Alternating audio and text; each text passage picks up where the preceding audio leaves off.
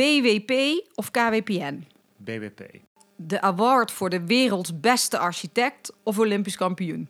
Olympisch kampioen. Begijnhoeven 1.0 of Begijnhoeven 2.0? 2.0. YouTube of Insta? Insta. We gaan beginnen. Yes. We could be heroes. Leuk dat je luistert naar Horse Heroes. De podcast waarin Floor Schoenmakers van EHS Communications in een persoonlijk gesprek gaat met een hypische ondernemer. Elke week een nieuwe gast en ook elke week een leuke giveaway. We gaan beginnen. Hij is een denker, perfectionistisch, nuchter, altijd van de last minute, gek op humor. Hij heeft Nederlandse ouders, maar altijd in België gewoond. Architectuur gestudeerd en inmiddels al twee keer zijn eigen stal, de Begijnhoever, tot in detail ontworpen en uitgewerkt. Hij heeft een heel aantal van zijn paarden zelf gefokt met zijn eigen dekhengsten en fokmerries. En zijn grote droom is Grand Prix rijden op een eigen gefokt Begijnhoevenpaard. Hij is getrouwd met Tommy Visser en samen runnen ze naast de stal ook een succesvol YouTube en Instagram account. Vandaag ben ik op bezoek bij de man van de vele talenten. En wie is dat? Rob van Bijenbroek. Hey Rob, hoe is het? ja, goed. Hartstikke goed. Leuk dat je er bent. Ja, jij hebt een eh, drukke dag gehad vandaag, zag ik eh, op je Instagram. Ja, we gingen helemaal op de Insta-takeover. Dat hadden we eigenlijk nog nooit gedaan. Eh, met een Deens account. En ik ging even helemaal los op stories. Ja, mocht je een heleboel stores. En dan was een Deens account met iets van 130.000 Ja, heel veel volgers. En ja, voor ons is Instagram natuurlijk een beetje nieuw. Je, je kent er alles van. Ja, ja, je helpt ons erbij. Ehm, maar eh, ja, voor ons is het wel de eerste keer om zo'n Insta-takeover te doen. En eh, het is eigenlijk wel heel grappig, want dan krijg je natuurlijk, eh, zit je in één keer op een ander account en je moet allemaal dingen doen. En je krijgt allemaal reacties van mensen die je natuurlijk niet kent. Dus, en ja, een heleboel nieuwe volgers zag ik Ja, weer al, Dus ja. superleuk. Rob, even een vraagje. Wil jij wat meer vertellen over jezelf? Wie is Rob van Puijenbroek? Wie is Rob van Bijenbroek? Oh jee. Waar zou ik eens beginnen? Ehm, nou ja, ik, ehm, ik denk de meeste paardenmensen kennen mij natuurlijk van de Begijnhoeven. Eh, dat ben ik begonnen een jaar of nou, tien geleden, denk ik. Ehm, ik was eigenlijk daarvoor eh, ja, meer gericht op interieurarchitectuur. Dus eh, ik heb mijn studies in Antwerpen gedaan. Was ik altijd heel enthousiast over, vond ik echt super tof. Ik had toen mijn eigen meubelmerk, Le Puy. En ja, we konden prijzen mee en het was dan echt, echt tof. Ehm, alleen ja, door omstandigheden rolde ik steeds meer en meer in de paarden. En ik had natuurlijk altijd wel paard gereden, al vanaf mijn vierde, hobbymatig. Eh, en ik had ook een eigen paard gehad, maar ehm, die, die was ondertussen weer, eh, weer weg door mijn studies. En ehm, ja, eigenlijk ging dat steeds meer, meer eh, richting die paarden toe. En dus tien jaar geleden zijn we begonnen met de Begijnhoeven. En eh, ja, superleuk om te doen natuurlijk. En eh, toen hadden we nog een, een klein aantal fokmerries. En eh, het niveau van, van de fokkerij was, was ja, goed, maar kon beter, zeg maar. Dus toen heb ik samengewerkt met Willem-Jan Schotten. Daar hebben we altijd veel paarden ingekocht en ook weer verkocht. En dat ging eigenlijk supergoed. Ehm een aantal jaren later ehm, zijn we weer ja, ieder zijn eigen weg eh, gegaan, zeg maar. Maar even, even, sorry dat ik je dan onderbreek, maar tien jaar geleden had je die Begijnhoeven. Die heb je ook helemaal eh, van begin Ja, af aan ontworpen, Ja. toch? Ja.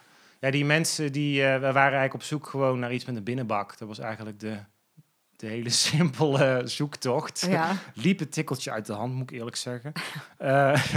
Eh, eh, dus toen was er een oude man die, die, ehm, die kwam eigenlijk bij mijn, bij mijn oude woning op de oprit, meneer Vos.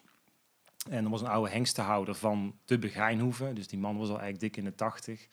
En die had eh, ja, heel terug verhaal, een hele hoop kinderen verloren met allerlei verschillende omstandigheden. Dus hij had eigenlijk geen opvolger. En dat was eigenlijk de reden dat hij ehm, eh, zijn stal aanbood. En dat was eigenlijk gewoon een oude hoeve met, met acht hectare grond. Mhm. En ehm, ja, die mensen hadden heel veel goodwill opgebouwd in Reti, omdat die, eh, ja, die, die, die waren helemaal into Reti, zeg maar, en met het verenigingsleven en iedereen kende die mensen. En ik denk dat dat de reden was dat toen ik het kocht, dat ik eigenlijk vrij snel ook een vergunning kreeg ehm, voor eigenlijk een, een, hele grote stal met, met eh 45 stallen, 2060 binnenbak, alles erop en eraan. En dan hadden we eigenlijk binnen vier maanden die vergunning, denk ik. Mhm.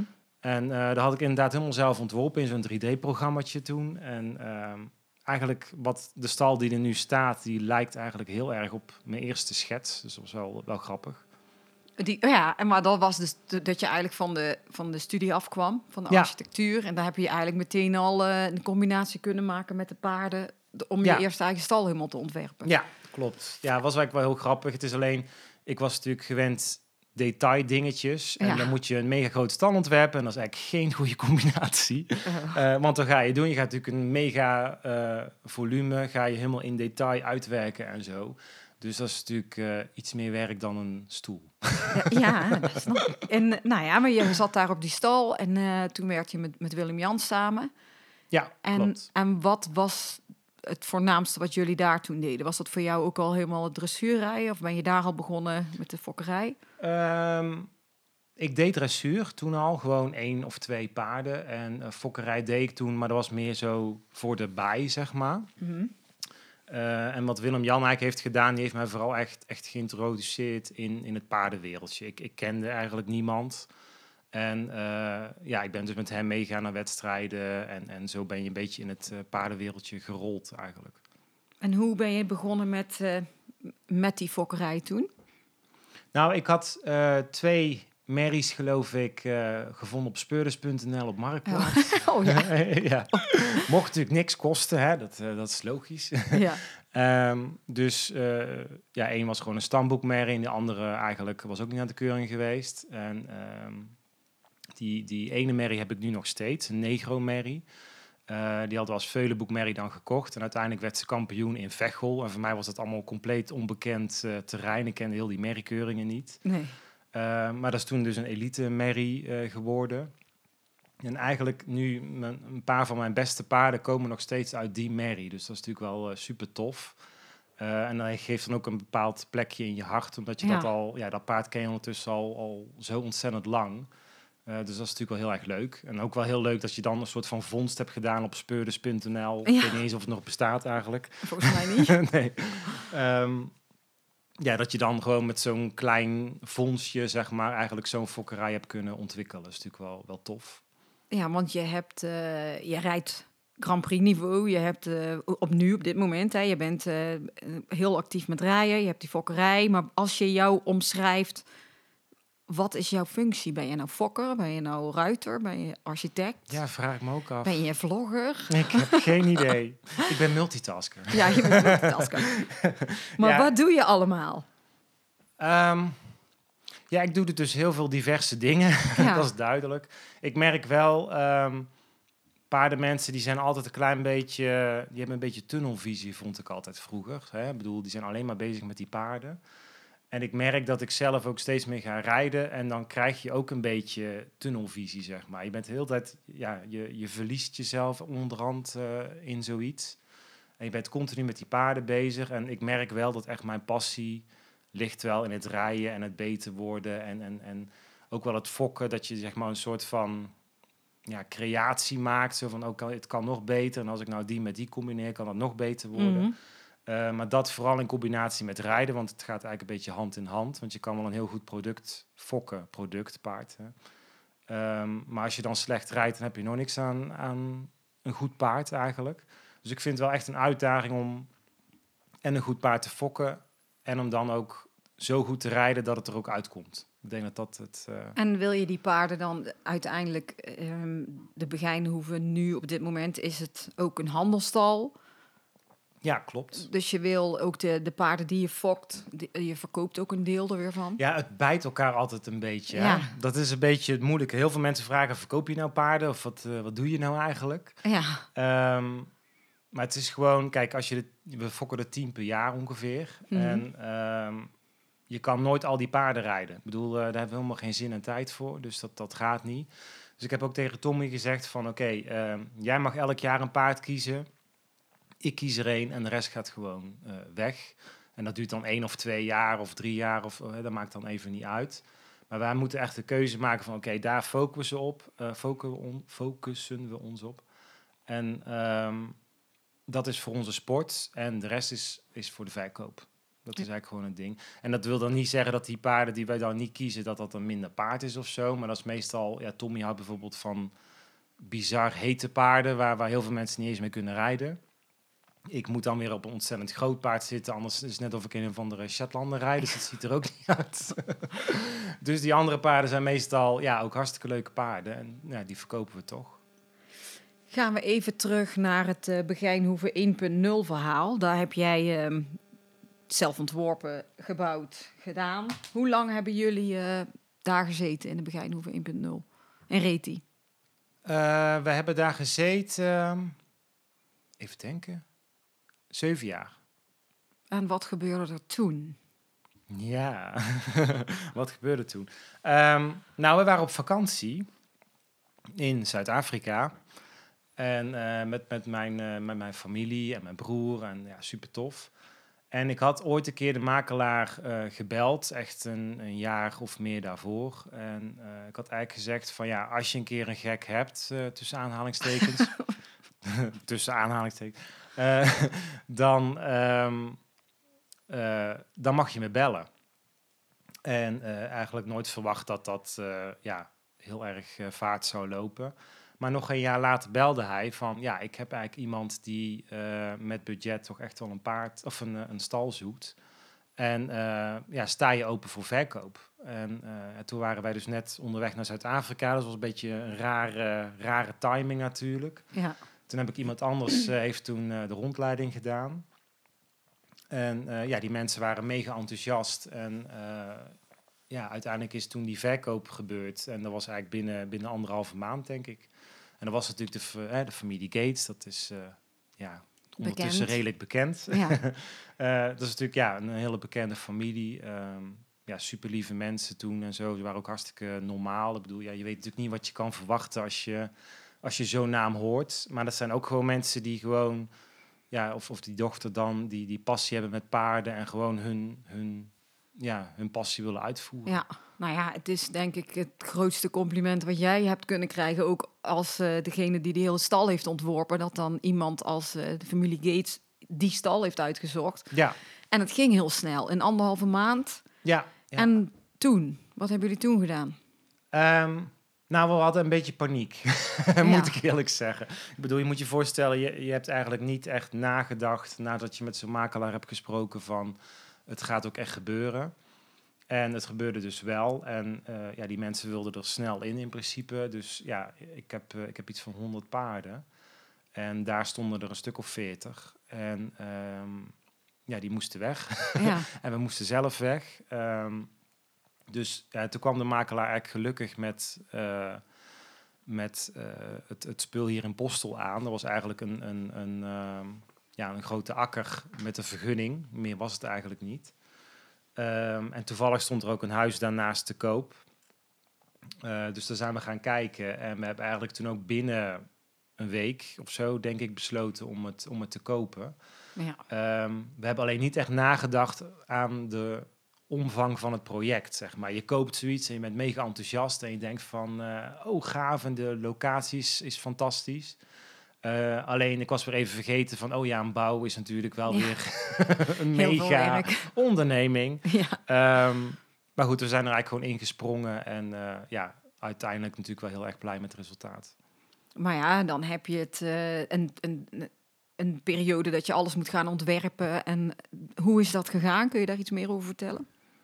Ehm, nou, het een heel groot deel van het ontwerp stond in eerste instantie al vast, want de vergunning was natuurlijk afgegeven al. Dus dan heb je al een soort van eh, buitenschil, zeg maar. Ja. Eh, ik wil dan iets meer veranderen in de stijl van Zuid-Afrika, waar wij toen waren. Ik bedoel, in Zuid-Afrika waren wij in, in Stellenbosch en daar heb je hele gave boerderijen, zo met wit, met grijze daken en eh, ja, met, met ja, bepaalde stijl, zeg maar. En dat was Ja. echt super tof.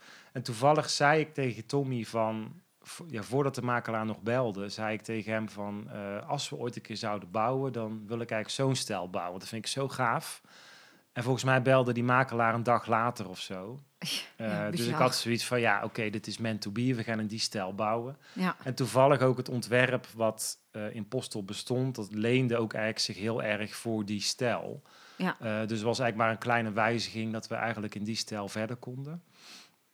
Eh, de binnenkant was een heel ander verhaal. Dat was wel echt, ja, eh, het was eigenlijk ontworpen voor Arabieren. De paarden dan. ja, ja. Een Ehm, Arabierstal. Ja. Eh, dus, en die staan al zeg maar los en die ramen zijn anders en de binnenbak is heel anders. Het zijn een soort van grote cirkels, zeg maar. Ja. En ja, hij compleet niet wat wij willen, wilden. Eh, dus eigenlijk hebben we samen met Altes heb ik heel die binnenkant opnieuw ontworpen. En eh, wie is Altes? Even voor oh ja, degenen die luisteren. Oh wie ja. is Altes? Altes is de bouwer. Dat was, eh, vroeger stond die bekend onder Lambert Geekes, Ja. eh, een bekende bouwer. En eigenlijk waren hun degene die, eh, die het ontwerpproces voor mij zeg maar, al in gang hebben gebracht. En die het nou ook aan het bouwen zijn, nog steeds. Ja, maar dat was dus een basisontwerp en jij bent daar toen op verder gegaan. Maar Ja. Ik bedoel, je bent hartstikke jong. Hoe oud ben je? Mag je niet vragen, maar een jongen mag je het wel vragen. ik ben 38. Ja, maar dat Ja. bedoel ik. Dan ben je 38, heb je al twee keer zo'n hele stal eh, ontworpen. En eh, voor degenen die nog niet weten hoe de Begijnhoeve eruit ziet, dan moet je even op YouTube kijken op de Begijnhoeve-account. Maar ja, het is gewoon bizar wat je ontworpen hebt. Hoe, hoe heb je dit dan gedaan? Hoeveel mensen had je daar hulp bij? Heb je dat met een heel team gedaan? Of is dit echt helemaal Rob? Ehm, nou, ik heb ondertussen wel geleerd dat je, als je zo'n project wil doen, dat kan je niet alleen. Eh, ook niet het ontwerp, zeg maar. Ik bedoel, iedereen kan een bepaald niche dingetje heel erg goed. Ja, Ehm, ik denk dat vooral mijn taak is om dan die niche dingetjes met elkaar te combineren. Ik denk dat dat een beetje de, ja, heel veel stallen, dit, dat zijn allemaal losse stukjes, zeg maar. Ja, dan heb je een mooie, een mooie buitenbak, heb je, of je hebt mooie stallen, of je hebt een mooie zadelkamer, Ja. allemaal los, losse dingetjes. En ik probeer het wel een beetje als geheel te zien. ja, Ehm, en ik, ik denk dat dat mijn belangrijkste taak is. Ik bedoel, ik ken iemand die ontzettend mooie tuinen maakt. Ik ken iemand die ontzettend mooie voorwanden heeft gemaakt. Eh, ja, de bouwer die kan ontzettend mooie dingen doen. Alleen aan mij is de taak om al die, die ehm, professionals eigenlijk met elkaar te combineren en het eigenlijk tot één geheel te maken. Kun jij omschrijven wat deze nieuwe Begijnhoeve 2.0... Want jullie zitten nu... eh, wanneer zijn jullie hier erin getrokken? Eh, volgens mij eind juni 2020. Oh ja, want het heeft, het heeft Hm. best wel een tijdje geduurd voor die bouw eh, klaar was. Daar, Ja. daar zul je zo nog wel even iets over vertellen. Maar wat maakt de Begijnhoeve 2.0 zo bijzonder? Als wat het is. Weet je, wel, noem eens al die... die ik, weet, ik weet het, ik weet een heleboel dingen die er zijn. Maar ik vind het even heel leuk als dat Je jij bedoelt ze... de, de, de, de, Ja, alle extraatjes, al die lamp... dingetjes. Ja, alle dingetjes, de, de, De Rob-dingetjes. De Rob-dingetjes, oh jee. Ehm, ja, wat, wat denk ik de meeste mensen heel meteen heel erg opvalt, is gewoon de, de, de dingetjes zoals het mestsysteem. Dat is gewoon, elke stal heeft een, ja, een soort van luikje dat, dat de motor eigenlijk gaat werken als je het luikje open doet en dan trekt die vacuüm. En dan kan je eigenlijk alle mest via die vacuümbuizen ja, eh, op de mesthoop laten komen. Dus het is Ja. natuurlijk wel een heel tof systeem. Eh, de andere kant, ik denk de, de tuin eh, of het tuinontwerp, dat dat natuurlijk wel echt iets, iets heel bijzonders is. Ja. Ehm, Je hebt gewoon een eigen park. ja, een parkje. Ja, Ehm, ik vond het heel belangrijk, omdat als je dat niet hebt, dan ehm, krijg je met de grote stal vaak een beetje een kille sfeer. En eh, ja, dan geeft dat geen aangename eh, iets om daar te trainen. En ik heb zoiets van, als je daar bent, je bent er de hele dag, eh, dan kan je maar beter zorgen dat ook de buitenomgeving ehm, een bepaalde zen-uitstraling geeft. En de tuinarchitect die ik had in Reti voor een bepaalde afwerkingen, zeg maar, die heb ik toen meegevraagd. Dat is eh, Linders. Mhm. En eh dat is een Nederlandse tuinarchitect en die hebben gewoon hele mooie dingen gedaan. En eigenlijk heb ik samen met hun hebben we die tuin helemaal eh, bekeken en hun hebben een paar voorstellen gedaan. En ja, dat is eigenlijk wel heel tof. Ehm, Om, zijn- Noem eens een paar dingen die zo bijzonder zijn in het tuinontwerp. Ehm, nou, rond de buitenbak hebben we allemaal die siergrassen. En dat is, ik geloof, 1 hectare siergras. Ja. Dat was echt giga. Met zo'n soort eh, kronkelend pad eromheen. En een hele grote vijver in het verlengde van de, de buitenbaan. Dat is wel echt heel, heel tof. Eh, geeft echt zo'n hele rustige sfeer. En toch eh, ja, een bepaalde chique uitstraling. Dus dat is wel echt, echt Met gaaf. het huisje op het einde. Oh ja, het Bali-huisje. Het baliehuisje We met noemen het zitjes. baliehuisje. Ja. Ja. Ehm, ja, dat is ook een beetje. Ik ben heel erg van een beetje symmetrische opbouw. Dus dat is Ja. eigenlijk een soort middenas. en op het einde van die middenas heb je het baliehuisje. Ja, en dan daarachter begint de renbaan. Ja, ja. Hoe groot is de renbaan? De Hoe lang? renbaan is eh, 600 meter. Ehm, ja, dat, dat is ook wel iets wat ik heel belangrijk vond. Kijk, je hebt, je hebt dingen, het kan allemaal heel mooi zijn en allemaal eh, tof zijn. Alleen het moet vooral heel veel eh, functie hebben, want het blijft een bedrijf. Je moet een, een, zo op- optimaal mogelijk je paarden kunnen trainen. Eh, wat ik in Reti een beetje miste, is dat wij eh, geen renbaan hadden. Eh, dus vooral met jonge paarden, die zijn vaak een beetje slap en, en, en die worden een beetje scheef of, of dat soort dingen. En ook een keer met oudere paarden, die wil je een keer lekker met het hoofd vrij, zeg maar, lekker naar voren Ja. kunnen galopperen. Ehm, dus dat hebben we nou op de renbaan en daar ben ik echt heel erg blij mee. Ehm, daarnaast hebben we nou ook een soort van trainsloot. Ja, ja, je kan het eigenlijk een beetje zien als een soort aquatrainer. Ehm het is dan alleen gewoon een sloot. ja natuur, een natuurlijke een aqua- bio-aquatrainer, hoe, je, hoe je het noemen wil. Eh, je hebt wel een soort van natuurlijke verversing van het water. Dus je hebt niet allemaal die bacteriën erin, die erin groeien. Ehm, maar ik merk dat de paarden het echt super tof vinden. Je kan gewoon onder het zadel een paar keer door die sloot gaan. Die sloot Ja. is iets van 80 meter lang. Ehm, je kan de hoogte van het water instellen. Dus ja, je kan echt precies een beetje de training daarop aanpassen. En die paarden vinden dat helemaal het einde. Ze gaan er allemaal in. Eh, Ja, en, en ook voor de training is het super goed. Want ja, ze gebruiken toch een andere spiergroep als, als normaal. En eh, ja, ik ben er gewoon heel blij mee. En je hebt buiten, je zei net over dat eh, symmetrische, als je vanaf buiten, vanaf de, de, de binnenkant, zeg maar, en de achterkant, daar ligt de buitenbaan. Dan zie je ook heel goed die symmetrie weer terug Ja. in hoe de stal is opgebouwd. Ja, Hoe- eigenlijk wel. Ja, eigenlijk als je binnenkomt bij de entree, Ja, eigenlijk is de, de entreedeur eigenlijk al de, de middenas. En op het einde van de entreedeur staat ook nog eens een keer een bronzen beeldje. ja, Ehm, dat is eigenlijk ook wel heel tof, want het, dat is eigenlijk de voorstudie van het bronzen beeld wat ik had in Begijnhoeven 1.0. Dat was een gigantisch beeld, echt eh, meer dan eh manshoog. Ik denk eh, drie, vier meter hoog of zo. Dat is een gigantisch ding en die heb ik toen laten maken, speciaal voor Reti. ja. Eh, nou ja, dat beeld is blijven staan, want, want eh, Gates was ook helemaal enthousiast over dat beeld. Dus ja, die hebben dat overgenomen. Alleen nu had de, de beeldhouwer nog een soort vo- voorstudie gemaakt. En eh was eigenlijk een heel mooi beeldje, helemaal niet zo groot, maar het had heel veel kracht, heel veel uitstraling. En ik vond het eigenlijk wel heel bijzonder dat het een beetje ja, het verhaal weer eh, naar hier brengt. Ja. Zeg maar. Dat je dan eh, dat beeldje hier kan zetten. Eh, dat je eigenlijk een soort van rode draad hebt in, in de verschillende stallen. In het Begijnhoefverhaal. En dan Ja. loop je die grote entree binnen. Ja, En wat zijn de, de speciale dingen binnen in de stal? in de entree eerst bedoel je? Ja, begin maar waar je wil Beginnen bij beginnen. de entree. Bij de entree heb ik, ik dacht ik heb een tafeltje nodig daar. Ja. Eh, en ik wilde eigenlijk zo'n boomstamtafel. Alleen dan ben ik aan het, aan het tekenen en dan denk ik, oké, dat is dan acht meter. Dat is natuurlijk bizar groot. Alleen ik ben dan weer zo'n iemand die daar niet meteen bij stilstaat. Dus ik, eh, ik, eh, ik kende iemand, Mirjam Bierings en, haar vriend Chris, die, ehm, die, die maken heel veel, of die kennen dan weer mensen die, die, die tafels maken. Dus ik zei, ja, ik heb een tafel nodig van 8 meter. Dus die sloeg een soort van stel achterover, want dat is natuurlijk, eh, ja, wordt eigenlijk bijna nooit gevraagd.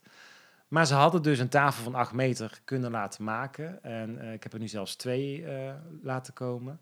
En dat is dus eigenlijk gewoon, ja, één grote eikenboom met, met een paar bladstalen poten eronder. Dat is een beetje, ja, heel robuust, heel simpel. Ja. Maar dat geeft wel een hele, hele toffe uitstraling. Want ik heb altijd zoiets van, als jij een, een, een nieuwe ruimte hebt...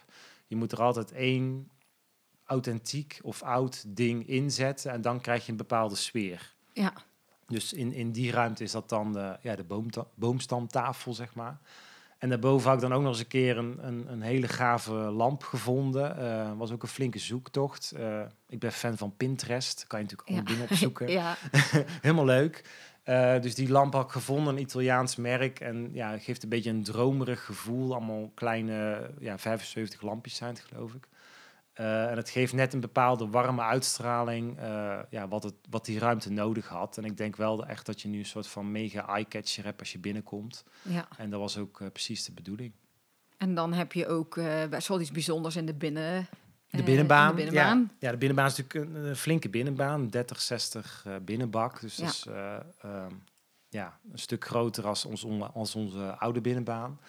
Ehm, het ding is natuurlijk wel een dressuurmeisje die wil altijd zo heel netjes rijden op de lettertjes en zo. En als je een 30, 60 binnenbaan hebt, dan ja, ik, ik vooral rijd dan totaal niet netjes. Je houdt eigenlijk niet echt goed je lijn aan.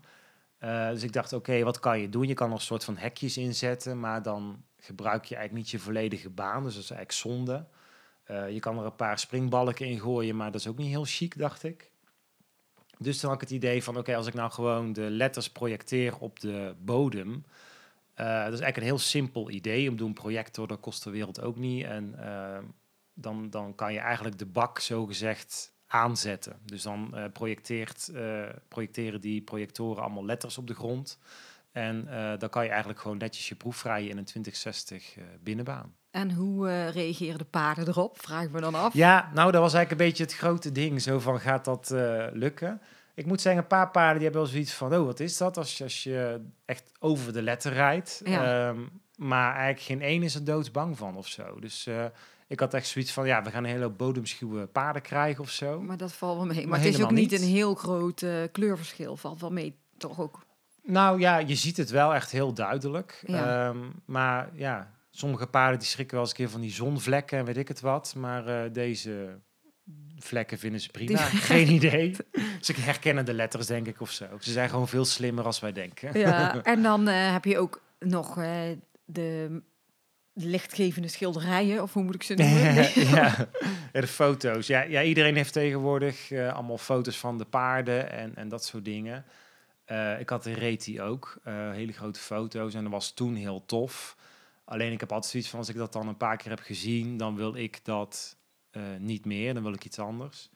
En ehm, ja, ik vind hier gewoon, je hebt hier zoveel natuur om je heen, het is hier zo'n mooie plek. Ja, Ehm, dus ik had zoiets van, ik wil eigenlijk de natuur naar binnen laten komen. Dus toen hebben we, heeft Remco Veuring, die maakt heel, heel veel foto's voor ons. Hele gave foto's maakt hij.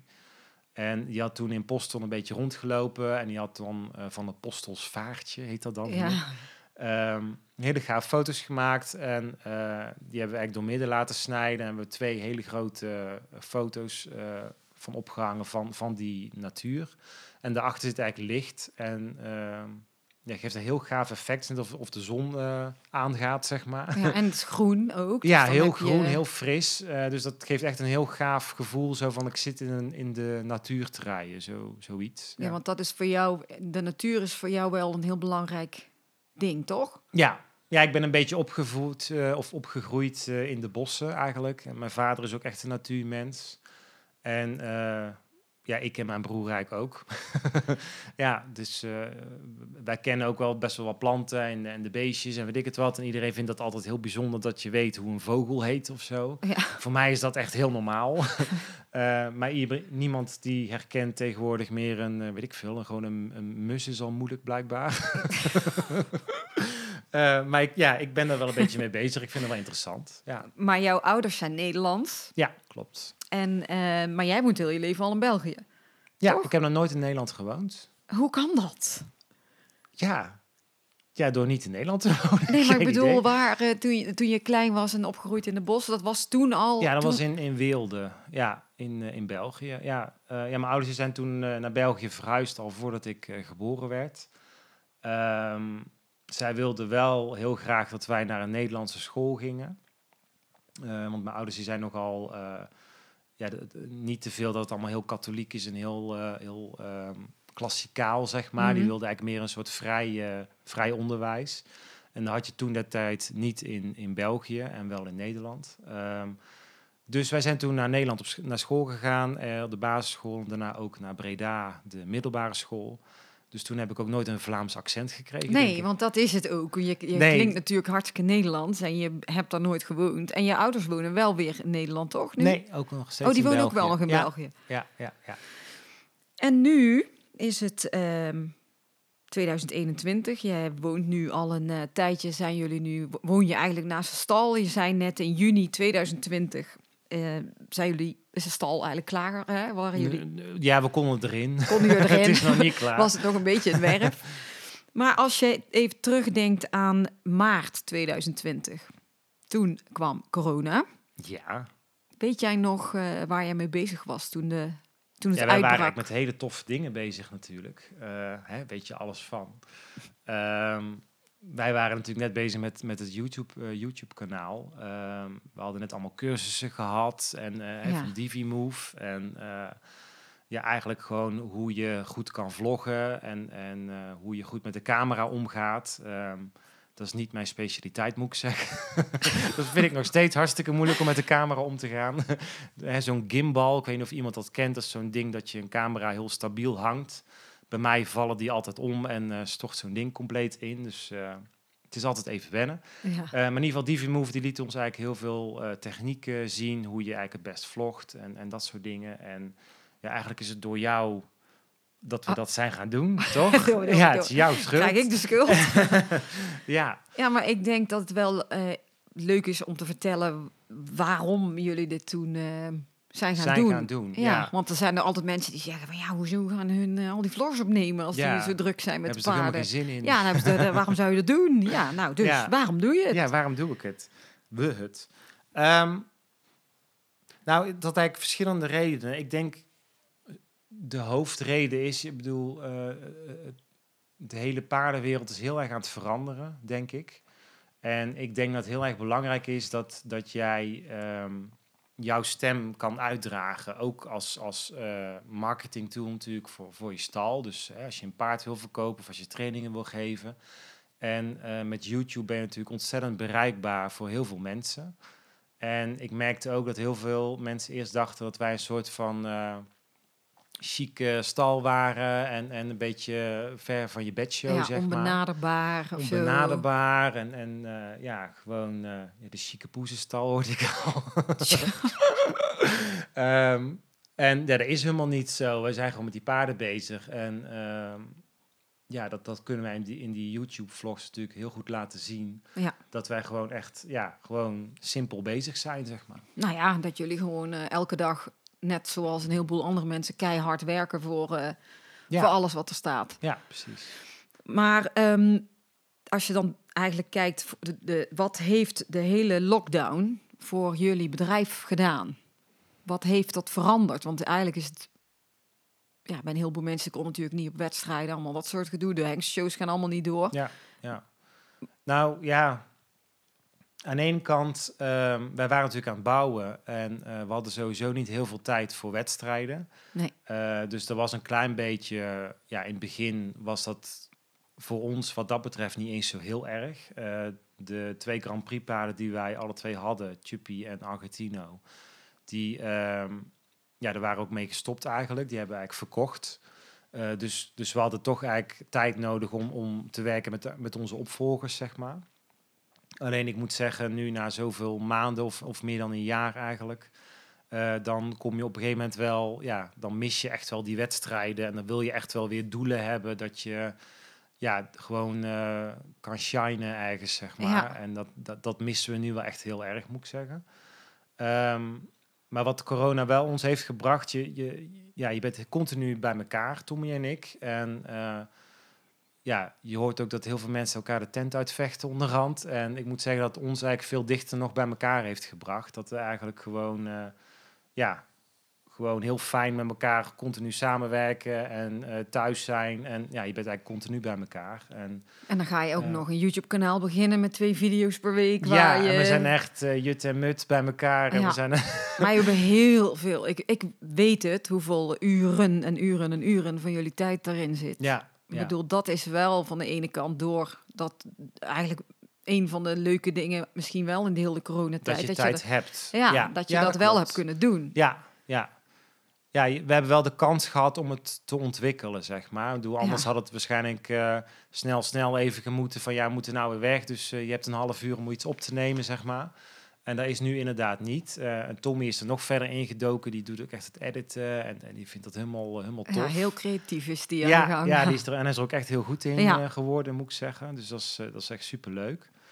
Ehm, dus ja, ja. Was dat wel eh, het creatiefste wat jullie hebben bedacht in heel de coronatijd? Het opbouwen van de social accounts?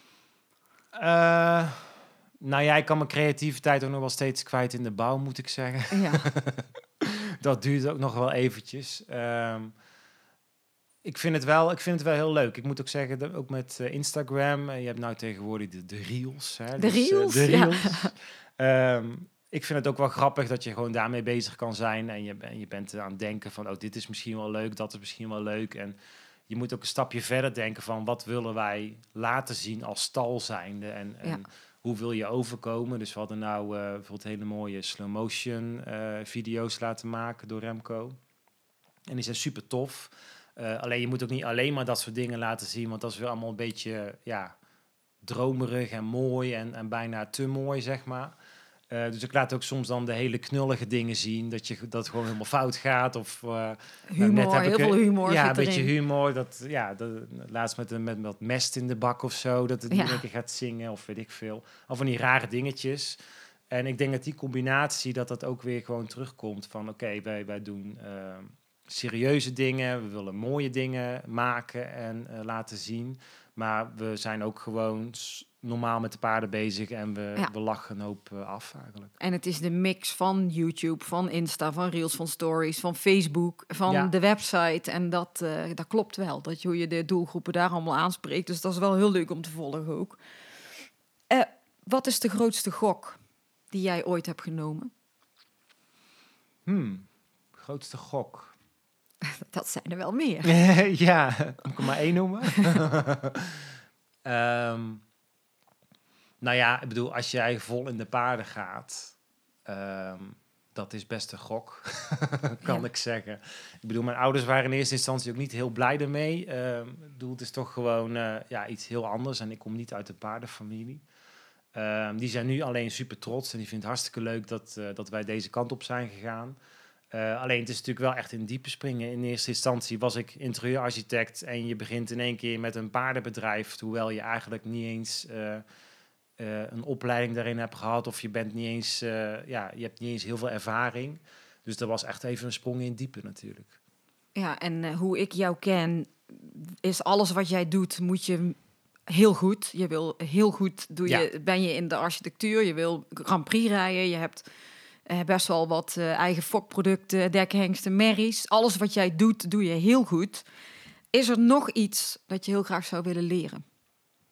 Heel graag willen leren. Ehm, Pilates. ja, Pilates, ja. Want dat Heel kan ik echt niet. Ik doe het twee keer in de week en ik ben echt rot slecht. maar ik heb zoiets van, je moet altijd iets doen waar je heel slecht in bent. Eh, Ja. Want eh, dan blijf je een beetje in balans, zeg maar. Ik bedoel, eh, mijn lichaam die zegt, die, die, die, die roept echt van, stop hiermee. Doe even iets, ga, ga een gewicht heffen of zo. Eh, en ik zit heel dat lengte als een soort van mislukte ballerina allemaal rare oefeningen te doen. Maar het werkt wel en ik voel me er wel een stuk, stuk beter bij. Dus eh, ja, Maar, maar iets anders wat je nog zou willen leren, behalve. Pilates. Nou, ik wil eigenlijk graag nog beter leren paardrijden. Dat, eh, dat wil ik sowieso eigenlijk wel. We zitten nu sinds, waar is het, anderhalf jaar bij Anki. en ik moet zeggen, ik heb er ook ontzettend veel geleerd de laatste jaar. En, of, of langer al. En eh, je wordt er ook echt wel door geïnspireerd. Want je voelt ook dat, ja, van je kan het. En je voelt waar ze naartoe wil. En eh, ja, het is nog niet 100%. Dus het wordt elke keer beter, beter, beter. En dat vind ik wel echt, ja, daar word ik heel gemotiveerd van dat je, dat je voelt dat je die weg omhoog aan het gaan bent. En dat je er ook nog niet bent, dat, dat het nog echt veel beter kan. En wat heeft k- het hele corona voor jullie privé veranderd? Eh, nou, het brengt wel heel veel meer rust, ja, moet ik zeggen. Ehm, ja, zoals iedereen, we zitten natuurlijk veel meer thuis. En wij, gingen eigenlijk, wij waren eigenlijk wel vervente restaurantgangers. ja. echt wel, eh, echt vaak. Eh, dat is natuurlijk allemaal niet meer. Ehm, dus ja, het geeft wel meer rust. Hè? Wat we net al zeiden, we zijn natuurlijk meer met de YouTube bezig daardoor. En meer met, met Instagram en dergelijke. Ehm, maar corona geeft ook wel... De, ja, je, je kijkt even terug en, en je waardeert elkaar. Je waardeert je familie. eh, je waardeert eh, de paarden enorm. Want ja, met corona is het natuurlijk wel als je met paarden werkt, heb je eigenlijk een soort van geluk tussen aanhalingstekens dat je, hè, dat je toch eh, gewoon eigenlijk je ding kan doen. Mhm. En, en eh, heel veel andere mensen zullen dat niet kunnen, omdat, ze, ja, omdat het gewoon niet mag. En ja, we zien nu wel dat je gewoon, ja, je, je- wij kunnen eigenlijk gewoon alle paarden rijden die we willen. En, en, en ja, alles gaat eigenlijk een soort van door. En dat is natuurlijk eigenlijk wel een, een aparte situatie. Ja, en je bent ehm, ook heel fanatiek met de fokkerij aan de gang. Je hebt eh, zelf een paar fokproducten, de hengsten. Wil je daar iets over vertellen? Hé, ja.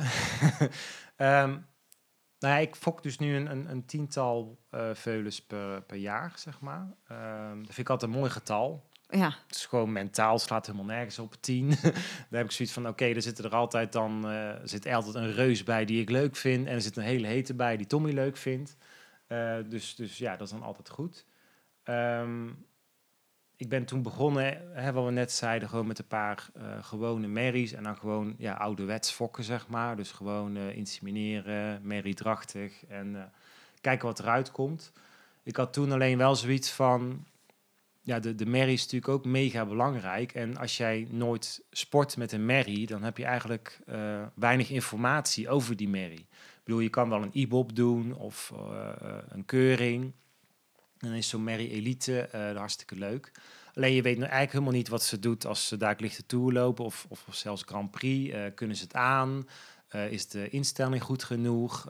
Hè, al die informatie die heb je niet.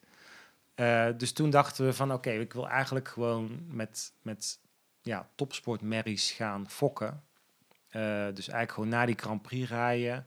En dan vervolgens XC gaan doen of ja, spoelen met die merries. En dan kijken of, of, of de kwaliteit van je fokkerij eigenlijk verder vooruit gaat. En ik moet zeggen, dat doen we nu een paar jaar. En eh, die merries ja, liepen eerst allemaal lichte toe. Nu gaan een paar merries ook echt naar de Grand Prix. Dus dat is natuurlijk wel Ja. echt super vet. Ehm, en ik moet zeggen, de laatste jaren gaat echt die, die, die kwaliteit van die fokkerij heel hard omhoog. En eh, ja, daar ben ik echt heel erg blij mee. Dus ja, daar krijg je het energie van als je die beesten ziet lopen. En dan eh, probeer ik altijd wel geen fokkersblindheid te hebben. Dat je gewoon heel nuchter en kritisch naar een veulen kijkt. En dat is niet makkelijk, want je hebt altijd zoiets van... ja, dat is mijn, mijn kindje, dus ik, Ja. geef hem, ik geef hem nog een jaar of nog een jaar... en dan wordt hij misschien beter of weet ik het wat. Ehm, dus je moet wel heel erg kritisch naar je eigen fokproducten eh, kunnen kijken.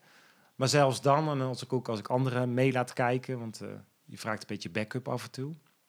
Zelfs dan zie je toch dat de kwaliteit heel hard vooruit gaat. En eh, ja, dat, dat vind ik wel echt heel tof. Hoeveel eh, dekhengsten heb jij zelf? Ik heb er nu vier, ja.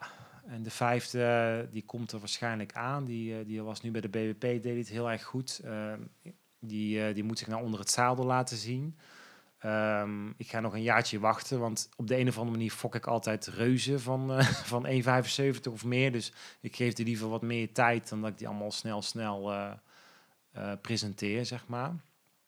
Ehm, maar die andere, dat zijn ja, eerder goedgekeurde hengsten. Eentje heb ik gekocht, dat is Genesis. Die Ja. heb ik toen op de Select Sale eh, van het KWPN gekocht. Ehm, ja, dat is een mega knap, knappe hengst. Een Jess Silvano met zo'n mega kuif erop. En eh, ik, ja, ik noem altijd maar Little Pony eh, ja, hij is heel knap. Ehm, dat is eigenlijk de enige die, ik- die ik heb gekocht. En eigenlijk de andere, die heb ik allemaal zelf gefokt. Ja, super stoer. Ja, ook. heel Dus leuk. dat, en dat is jouw grote droom ook, hè? Dat je ooit eh, Grand Prix gaat rijden met Ja. een zelf gefokt paard. Ja, dat zou ik heel graag eh, willen. Ja. ja, dus ik ben nou, eh, even kijken, ja, Heros is eigenlijk het, het, het oudste zelfgefokte paard wat ik nu rij. Mhm. Eh, en dat is een beetje mijn, mijn favorietje, soort van mijn, mijn hond. Ja. Als je die op stal op het, ook ziet, dan geeft het net geen pootjes, zeg maar. Maar het is echt zo'n eh, heel aanhankelijk dier. Ehm, dat is Vivaldi Havidov, eh, die is dus nu negen jaar. Ehm, ja, is voor mij wel een heel bijzonder paard. Ehm, is vorig jaar ook heel erg ziek geweest. Ehm, had heel, heel zwaar headshaking. Die is daar godzijdank bovenop gekomen. Eh, ja, het was toch een soort van allergie of iets dergelijks. Ja, we weten eigenlijk nog steeds niet wat precies was. Eh, maar eigenlijk nu, na een jaar eruit gelegen te hebben, is je dan toch weer een beetje op niveau aan het komen. Dus we gaan nu een beetje richting de lichte tour. Eh, ja, en dat wordt eigenlijk hopelijk mijn eerste zelfgefokte Grand Prix paard. Dat zou echt heel tof zijn. ja, nou ja, het lijkt, begint erop te lijken steeds meer, ja, hè? stapje voor stapje. We gaan even naar eh, het muziekverhaal.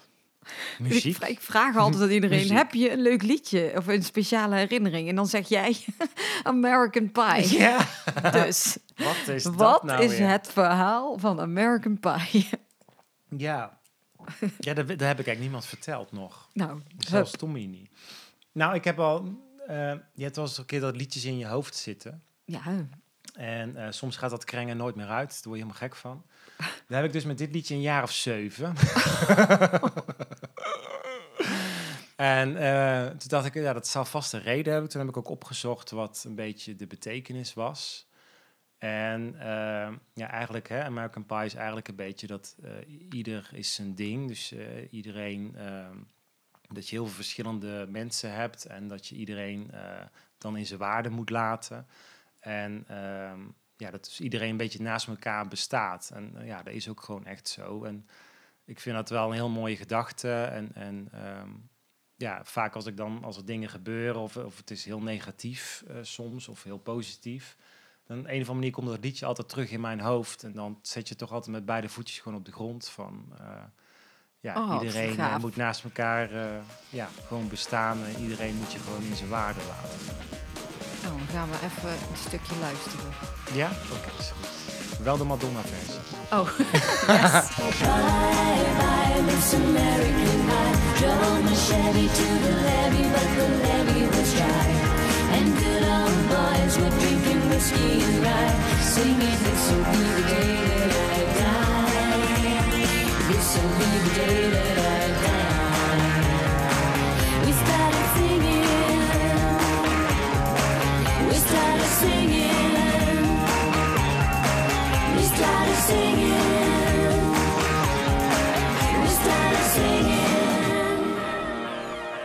We hebben net eh, jouw liedje gehoord, wat je al zeven jaar in je hoofd hebt. En je gaf ook aan dat er wel eens negatieve eh, zaken spelen. Ik bedoel, eh, de hoop mensen kennen jou natuurlijk wel van waar ze jou van kennen, van de Begijnhoeven en het verhaal van Gates en een hoop vooroordelen en meningen. En je, jullie zijn nou heel actief op social media, dus je krijgt ook veel bekijks vanuit Nederland, maar ook heel veel andere landen.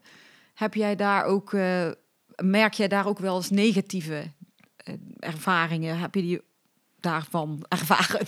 Lekker krom ja, gevraagd. snap wat je bedoelt. ik snap wat je bedoelt. Ehm, ja, tuurlijk. Ja. Ehm, het is een beetje Hollandse, een Hollandse gedachtegang is geloof ik van... ehm, als, je- als je niet onbemiddeld eh, bent eigenlijk, dat, dat je dan... dat alles makkelijk is. En, en als je dan iets heel goed probeert te doen... of je gaat je volle passie ergens ingooien... en, en je doet echt mega je best en dan lukt het... Dan zeggen mensen, ja, ja, ja, die heeft makkelijk praten, want eh, hè, eh, dat is allemaal niet zo, niet zo moeilijk. En als het dan slecht gaat, dan, eh, dan ben je ontzettend miskukel en je kan echt helemaal niks en een, een, een rijk verwend joch eigenlijk. Mhm. Dus eigenlijk kan je bij sommige mensen nooit goed doen. Heb Eh, jij daar veel last van voor je gevoel dat je dat idee hebt dat een hoop mensen naar jou kijken als een rijk verwend joch? Heb je dat Ehm, ervaren? Vroeger wel. Ja. Ja, vroeger wel. Alleen, eh, ik, ben heel blij dat ik ouder word. en als je ouder wordt, dan, dan ja, interesseert het eigenlijk niet zo heel veel meer wat andere mensen denken. Tenminste Ja. bij mij. En eh, ik moet er tegenwoordig eerder om lachen. Toevallig zag ik laatst, eh, ik wa- was op Facebook of zo, ik weet niet eens meer. Iemand had een post van mij gedeeld. Eh, ik had een mooie foto van, volgens mij de lamp van de entree of zo gedeeld. En iemand eh, deelt die post mee. En ehm, ja, normaal zie ik dat nooit, maar ik, ik, toevallig kwam ik op, op die, die gedeelde post. En iemand zet eronder, ja, ja, ja, makkelijk praten met de hele familie in de quote. Zo, zoiets. Oh ja. En eh, toen druk ik op like bij die persoon. maar ik moet er nog heel hard om lachen. Ik denk, jezus, wat een zuur, zuur volk eigenlijk. Ehm, maar ja, als je er zo in staat, dan maakt het ook eigenlijk allemaal niet meer zoveel uit. Nee, maar ja, je hebt eh, misschien sommige dingen op een andere manier kunnen doen dan andere mensen. Maar Ja, dat ik- ik- betekent ik, heb- niet ik dat weet je... zeker dat ik ook... Ik, ik heb hartstikke geluk. Hè? Ik bedoel, ik ben ook heel erg bewust dat ik het geluk heb om te kunnen doen wat ik wil doen. Ik bedoel, de meeste mensen die moeten gewoon... eh, ja, dan een baan gaan nemen en, en eh, heel hard sparen voor dingen. En voor mij is dat een stukje makkelijker geweest. Alleen ik had natuurlijk ook een hele makkelijke weg kunnen kiezen. Ik had ook kunnen zeggen van, ik koop een paar hele dure paarden. En ehm, ik ga alleen maar proberen te shine op de wedstrijden. En ik wil, eh, ik wil dat en meer niet. En ik heb toch echt gekozen voor de hele, hele, hele lange weg. Eh, dus gewoon, eh, ja, zelfs ook met goedkopere fokmerries beginnen. En ook wat duurdere fokmerries, moet ik eerlijk zeggen. Ehm, maar van daaruit je, je, je, je passie eigenlijk ontwikkelen. En ja, als mensen dat niet zien, dan zien ze dat maar niet. Dat, eh, Nee, en dan Ja. kan je nog eh, een hele, hele, hele, hele dure, een heel duur paard kopen en dan gebeurt er nog niks. ja, D- We ik kennen heb daar voorbeelden van. Ja, van nou, hele, ik heb hele zelf ook wel eens een keer een duurder paard gekocht. Ik, ik heb in het verleden met Willem-Jan eh, ook wel duurdere paarden gekocht. Maar altijd zoiets van, dat is dan niet voor mij. Eh, ik ben niet goed genoeg, dus ik, ik ga geen duur paard kopen. Ik ga geen, eh, niet heel veel geld besteden aan mezelf. Ehm was een soort gedachtegang wat eigenlijk altijd wel bij me in mijn hoofd zat. Een paar jaar geleden had ik zoiets van, oké, dan eh, ga ik nu een keer een duurder paard kopen. Maar dat, eh, dat liep eigenlijk ook een beetje, beetje mis. Dus ik zoiets van, oké, dat ga ik ook gewoon niet meer doen. En eh, ik wil nu dus echt alleen maar 100% die fokkerij en ja, van daaruit mijn ding doen. Misschien ook een beetje in mijn verre bewustzijn zoiets van bewijzen dat ik, dat ik het niet koop. Ik denk dat dat een beetje, ja, het slaat helemaal nergens op. En ik hoef helemaal niet te, niets te bewijzen aan niemand. Maar ik denk dat dat, dat, dat wel meespeelt. Dat ik zoiets heb van, oké, ik wil echt helemaal bij nul beginnen. En, en gewoon laten zien dat ik gewoon keihard mijn best doe. En ja, als het dan niet eens lukt, dan lukt het niet. Maar dan heb ik het wel, die weg ernaartoe, met Mhm. volle passie heb ik dat eh, gedaan. Ja, en eh, nou ja, dat is een beetje hetzelfde als hoe jullie een jaar geleden zijn begonnen met dat opbouwen van, eh, van Insta en YouTube en alles. Kijk, als je dat allemaal, daar kun je ook kopen. Alles kun je kopen. Je Ja. kunt volgers kopen en je kan weet ik veel wat allemaal kopen. Maar daar zijn jullie ook zelf heel fanatiek, heel hard werkend zelf mee aan het bouwen gegaan. En daar laat je eigenlijk ook al die accounts zien hoe jullie leven is. En het is een heel eerlijk verhaal. Het is heel open. Je laat de, Ja. De negatieve dingen zien, de leuke dingen zien, de humor zien. De, eigenlijk gewoon alles wat Heel jullie veel, doen. ja, ja, zeker. En daar krijg je natuurlijk heel veel aandacht van ook. Want er zijn een hoop volkers inmiddels. Heb jij ook daar negatieve dingen mee ervaren? Is het, heeft het ook een andere zijde om te laten zien wat er, wat er allemaal speelt? Nou, ja. Mensen durven niet zo heel veel in je gezicht te zeggen. Mhm. dus dat scheelt. Eh, maar eigenlijk krijgen we vooral eigenlijk wel positieve, positieve commentaren. Gewoon dat mensen inderdaad zeggen van... eh, eh, van, oh, jullie werken echt wel hard voor, voor wat, wat, wat jullie doelen en dromen zijn. En, Mhm. en ik vind het eerder positief dat mensen inderdaad gewoon echt gewoon zien van... Oké, die jongens die, die proberen er echt iets van te maken. En dat was ook het hele doel. Dus Ja. ja, dus, ja eigenlijk meer positieve dingen dan, dan negatief. Ja, en als iemand negatief is, dan reageren jullie daar wel weer positief op eigenlijk. Ja, of iets minder positief. Ja, maar eh, wij, of- zijn, eh, wij zijn rap genoeg van tong eh, Ja. om iets te weerleggen. Dus dat komt maar goed. Waar zie jij jezelf over tien jaar? Tien jaar.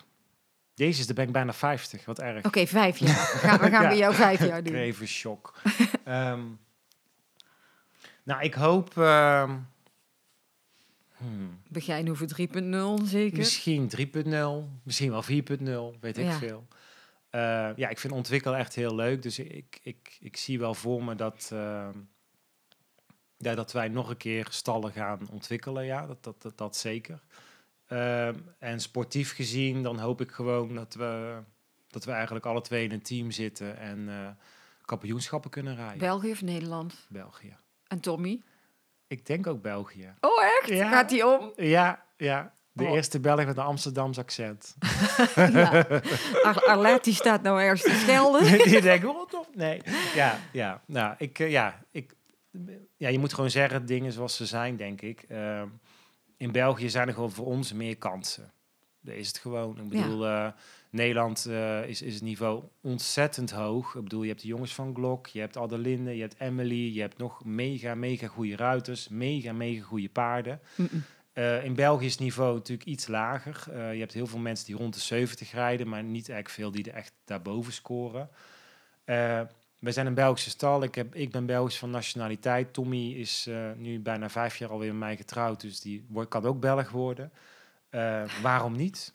Ja, superleuk. Ja, Ik heb een eh, laatste vraag. Door wie ben jij geïnspireerd eh, in het afgelopen jaar, eigenlijk in de coronatijd, zakelijk of privé? poeh. Oh, dat is een moeilijke vraag. Geïnspireerd. Ehm, nou, privé eh, wel een paar vrienden om mij heen, moet ik zeggen. Ehm, als je dan inderdaad wat, wat, wat soms eh, kan, kunnen dingen tegenzitten. En dan merk ik een paar vrienden die ik al ken van voor de paarden. Eh, en dan zie ik hoe zij met tegenslagen om kunnen gaan. Dat, dat je hè, mensen verliest of, of, of hele zware, echt zware problemen. En ehm, ja, hoe ze daarmee omgaan, dat vind ik dan zo knap. En eh, daar, daar word ik wel door geïnspireerd. Dat ik denk van ja, oké, je moet gewoon echt schouders eronder en Ja. ervoor gaan.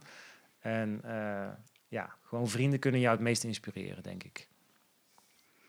Ik denk dat wij eh, een heleboel leuke dingen besproken hebben. En dat mensen je misschien eh, in iets van de andere kant ook hebben gehoord nu weer vandaag. Wij doen op het laatst van de, de podcast altijd iets weggeven aan de luisteraars. Oh Dus ja. dat is natuurlijk ook even mijn vraag aan jou. Heb jij iets leuks om weg te geven? Nou, ik denk het wel. Ik hoop jullie ook. Ja. Ehm, hè, zoals ik zei, we hebben vier eh, gekeurde hengsten bij ons op stal staan. Ehm, wij zijn niet echt heel veel bezig met het, het, het ehm, vermarkten van die hengsten eigenlijk. Ehm, ja, dat, dat, dat, wij zijn meer met de sport bezig en dat soort zaken. Maar ja, die hengsten zijn natuurlijk redelijk eenzaam. Dus eigenlijk dacht ik aan een soort speeddate voor onze hengsten. Als we nou gewoon van elk van onze hengsten een gratis eh, dekking weggeven. Want we hebben heel veel bevroren rietjes. Oh, Ehm, super gaaf. dus ik dacht, misschien is het tof als we van Heros, Quinten, Le Premier en Genesis een gratis dekking weggeven. Oh, wauw, dat is wel echt helemaal leuk. Wat moet je doen voor een gratis dekking van een van de dekhengsten van Rob? Ik moet het wel goed zeggen. ja, van Rob, ja, de hengsten. En ehm, laat dan een bericht achter onder onze post van vandaag op Instagram, op Facebook. Ehm, deel de podcast Horse Heroes met eh, jouw eigen volgers. En dan kiezen wij over een tijdje een aantal mensen uit eh, voor een dekking van een van de dekhengsten van Rob.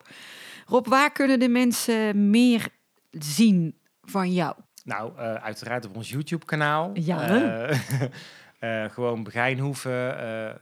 druk dat in op YouTube en ons kanaal komt naar voren.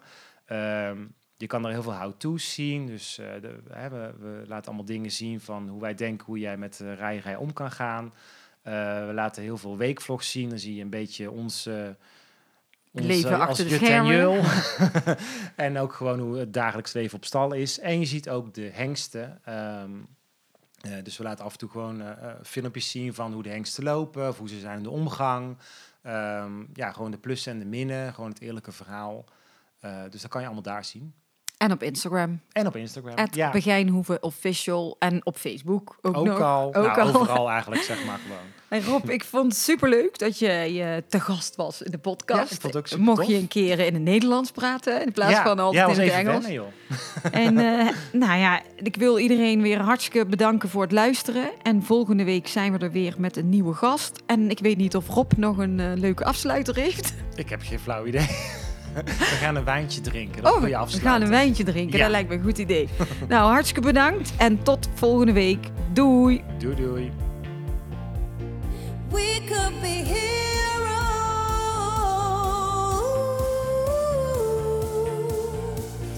heroes. Dit was hem weer, de Horse Heroes podcast. Wil je meer weten over Floor, haar bedrijf of deze podcast?